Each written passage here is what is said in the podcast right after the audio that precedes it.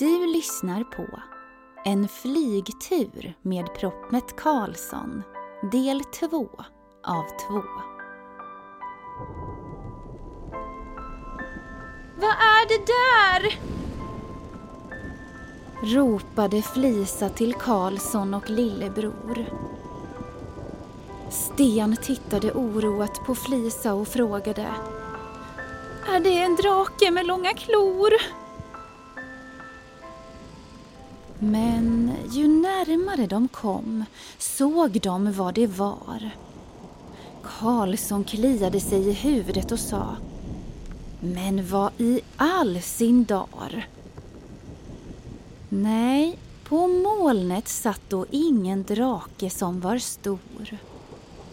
Istället fanns där ett stort slott och i det bodde det varken troll eller människor.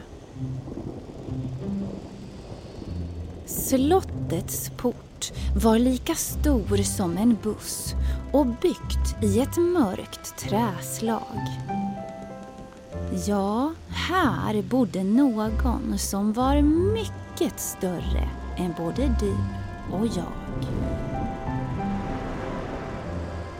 Vinden tog tag i luftballongen igen och förde den närmare slottet med den stora porten.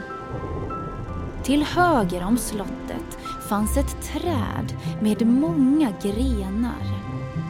Det fanns inga löv på dem och trädet såg lite skrämmande ut om du förstår hur jag menar. Luftballongen kom nu i full fart rakt emot trädet. Och Sten var nu så rädd att han grät en skvätt. Men så, precis när ballongen var på väg att krocka in i trädet var det som om grenarna tog tag i ballongen väldigt mjukt och lätt. Det var som att trädet liksom räddade trollen från en hemsk smäll. Kunde det vara så att det här trädet både var magiskt och snäll? Trollen satt nu fast i trädet och ovädret dundrade runt omkring dem. De sneglade mot slottet som stod bredvid och som var allt annat än storlek lagom. En gren på trädet började plötsligt att röra sig mot slottet och började sedan att knacka på det största fönstret. Vad är det som händer? Viskade trollbarnen. Men innan Karlsson hann svara öppnades den stora porten. Ut kom en gigantisk jätte. Han sträckte sig efter luftballongen medan han berättade vad han hette. Hans namn var Bobo och han verkade väldigt snäll. Han lyfte ner ballongen från trädet och precis då hördes från ovädret en rejäl smäll. Nu går vi in innan vi blir träffade av blixten, sa Bobo och bar in ballongen med korgen.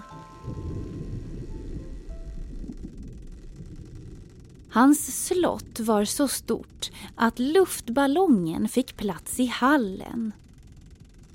Säg mig, sa han, vad gör ni ute i den här hemska stormen?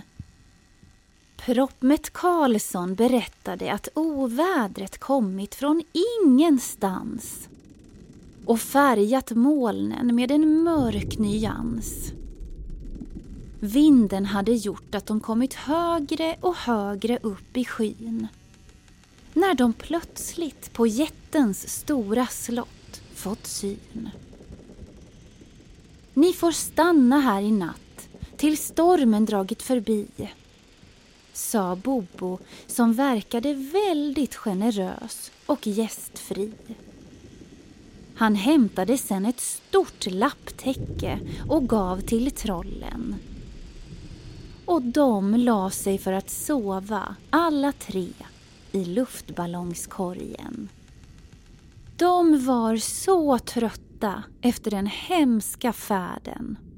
Vilken tur att de råkat landa hemma hos den snällaste världen. När morgonen sen kom vaknade trollen till ett frukostbord fullt av godsaker. Där fanns färskpressad apelsinjuice och yoghurtsorter i alla dess smaker. Bobo hade bakat frallor och ställt fram ost och marmelad. I en kastrull på vedspisen fanns också nygjord varm choklad. Trollen åt och drack tills deras magar var fulla till bredden. Medan Bobo berättade om jättarnas rike som fanns här bland molnen.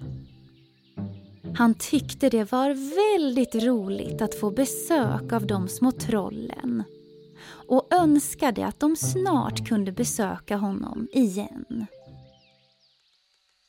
När de hade ätit klart hjälpte Bobo till att lyfta ut luftballongen ur slottet. För Bobo var luftballongen lätt som en plätt. Trollen tackade så mycket för gästfriheten och hoppades kunna besöka jätten snart igen. Sen drog Karlsson i brännaren och ballongen lyfte från molnet. Bobo vinkade hej då medan han log brett. Luftballongen landade efter ett tag på marken i sagoskogen. Ja, ni små trollbarn, sa Karlsson. Det här var väl den mest spännande flygturen? Ja, svarade Sten. Det gör vi om snart igen. Och jag ska minsann berätta för pappa att det inte fanns någon drake i himlen. Bara att vi har träffat den snällaste jätten.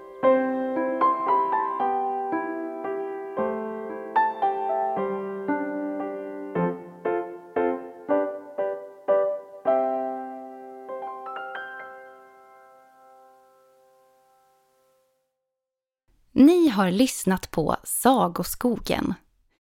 Skriven och producerad av Johanna Blomgren och Henrik Nordgren.